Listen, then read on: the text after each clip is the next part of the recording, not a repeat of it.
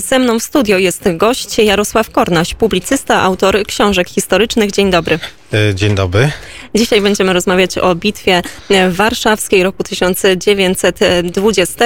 No i może zaczniemy od tego, że e, wszyscy zgadzają się bezspornie e, co do tego, że to, było, że to była jedna z najważniejszych bitew w historii Polski, bardzo ważne wydarzenie w kontekście naszej niepodległości, ale jest pewien spór, a mianowicie ten spór, który dotyczy tego, kto jest ojcem, ojcem sukcesu i zwycięstwa tej bitwy. Jak wiemy, ojców sukcesu jest e, przypadku sukcesu jest bardzo dużo i tutaj jest pewien spór, który rozpoczął się tak naprawdę zaraz po zakończeniu wojny e, roku 1920.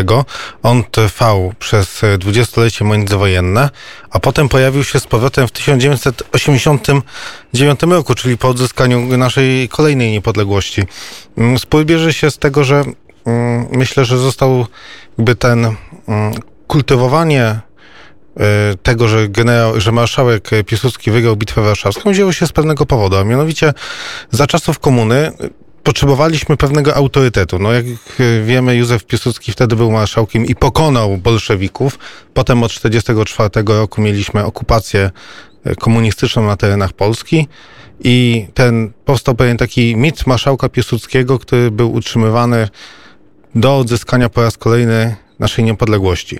Ten kult marszałka tak naprawdę powstał po przewrocie majowym, po 26 roku, gdzie wszelkimi możliwymi sposobami walczono z osobami, które podważały to, że marszałek Piłsudski był tą postacią, która przyniosła nam niepodległość w 1918 roku.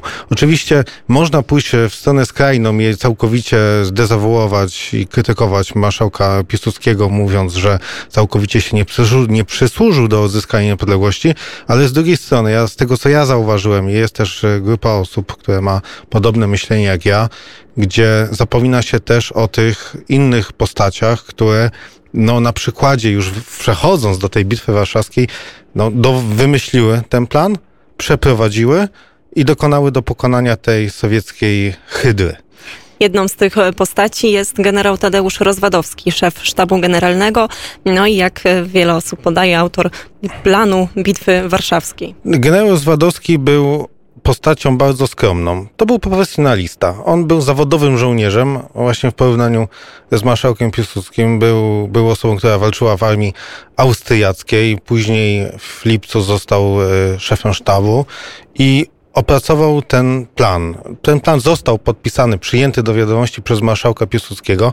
No i tutaj nie można mieć jakiegokolwiek zarzutu, bo marszałek Piłsudski no, wybrał, wybrano odpowiednią osobę na odpowiednie miejsce i generał Zawadowski zresztą w jednym z, e, dostał list od marszałka Piłsudskiego, gdzie Józef Piłsudski podkreśla jego zasługi, to, że jest e, generałem niezłomnym, że cały czas wierzy w sukces oraz na zmieniającą się sytuację na froncie jest w stanie wymyślić ileś różnych pozytywnych rozwiązań danych działań naszego nieprzyjaciela. I to, co jest właśnie kluczowe, to jak wiele osób straciło wiarę w to, że uda się Sowietów pokonać, a Sowieci byli w 100% pewni, że nas, nas pokonają. On do końca wierzył w swój plan i ten plan został wykonany no, prawie w 100%, bo y, jak dobrze wiemy, albo nie wiemy, sowieckie wojska nie zostały rozbite pod Warszawą.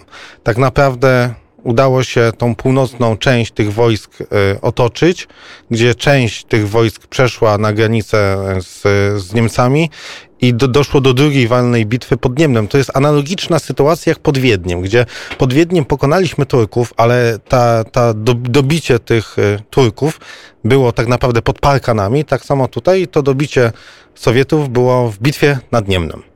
Czyli cały ten spór toczy się tak naprawdę teraz wokół tego, że e, niejako generał Tadeusz Rozwadowski został zapomniany, albo te jego zasługi nie są wystarczająco e, doceniane przez historyków dzisiaj. E, to, co jest moim zdaniem kluczowe i bardzo krzywdzące, nie tylko dla Rozwadowskiego, bo to mówimy też o generale Zagórskim, Sikorskim, Latiniku. Zresztą to takim grzechem pierworodnym, momentem takim najbardziej zapalnym dla tych oficerów, dla tych generałów był, była książka Józefa Piłsudskiego rok 1920, wydana w 24 24 roku. Do 24 roku generał Rozwadowski, ze względu na to, że to była bardzo skromna osoba, on tak naprawdę nie musiał nikomu cokolwiek udowadniać. On był profesjonalistą. Dla niego najważniejsze nie były ordery. Nie było to, żeby go szanowano, wynoszono, podnoszono na rękach. Dla niego ważne było to, że Polska odzyskała niepodległość i on nie zabierał głosu w tej sprawie. Ale w 24 roku wychodzi książka Piłsudskiego, która przedstawia Rozwadowskiego i pozostałych wcześniej wymienionych generałów y, w, w negatywnym świetle, bo tam był spór dotyczący, czy y, ofensywa powinna iść tylko z południa, czyli z Nadwieprza, czy Rozwadowski miał właśnie pomysł, żeby poszła z północy, czyli Piąta Armia Sikorskiego, która zdaniem e, historyka, jednego z historyków Wyszczelskiego, to właśnie uderzenie na północy doprowadziło do rozstrzygnięcia z tej bitwy, a uderzenie z Nadwieprza poszło tak naprawdę w próżnię. Ale wracając właśnie do tej książki Piłsudskiego, to on całkowicie pominął ich zasługi, nawet skrytykował to, to kluczowe uderzenie. I ci oficerowie poczuli się dotknięci tym. I generał Rozwadowski napisał list do generała Żeligowskiego właśnie w tej sprawie, no że co, co ja chcę, no ale to tak mnie się przedstawia, ale było całkowicie inaczej. Zresztą w tej książce generał Rozwadowski jest ten list, jest ten list e, Piłsudskiego wcześniej, parę lat wcześniej do Rozwadowskiego i tutaj zaczęła się tak naprawdę ta cała, mówiąc kolokwialnie, awantura wokół tego, kto dowodził i kto wygrał tą bitwę. Finałem tego jest to, już tak kończąc mój wywód. W 26 roku dochodzi do przewrotu majowego. Po stronie legalnego rządu staje generał Rozwadowski. Yy, ten przewód majowy zostaje wygrany przez opcję Józefa Piłsudskiego. I w tym momencie kończy się kariera generała Rozwadowskiego. On i te inne osoby, które krytykowały yy, marszałka Piłsudskiego, zostają odsunięte od armii. Generał Zagórski ginie w niewiadomych e, okolicznościach. Generał Zwadowski umiera po ciężkiej chorobie w 28 roku.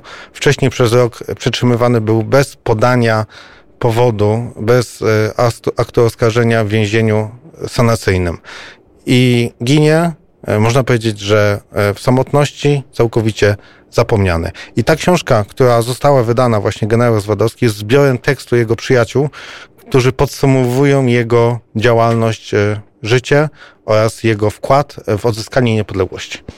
Zatem, drodzy słuchacze, jeżeli chcielibyście spędzić teraz te gorące e, sierpniowe e, wieczory, na przykład e, na tym, żeby poszerzyć swoją wiedzę historyczną, żeby dowiedzieć się trochę więcej na temat historii Polski, to warto sięgnąć po tę lekturę. Generał Rozwadowski, wydawnictwo Kapital.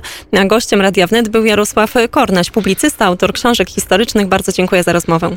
Bardzo dziękuję i dziękuję wszystkim słuchaczom, że poświęcili chwilę czasu dla naszej wspaniałej polskiej historii.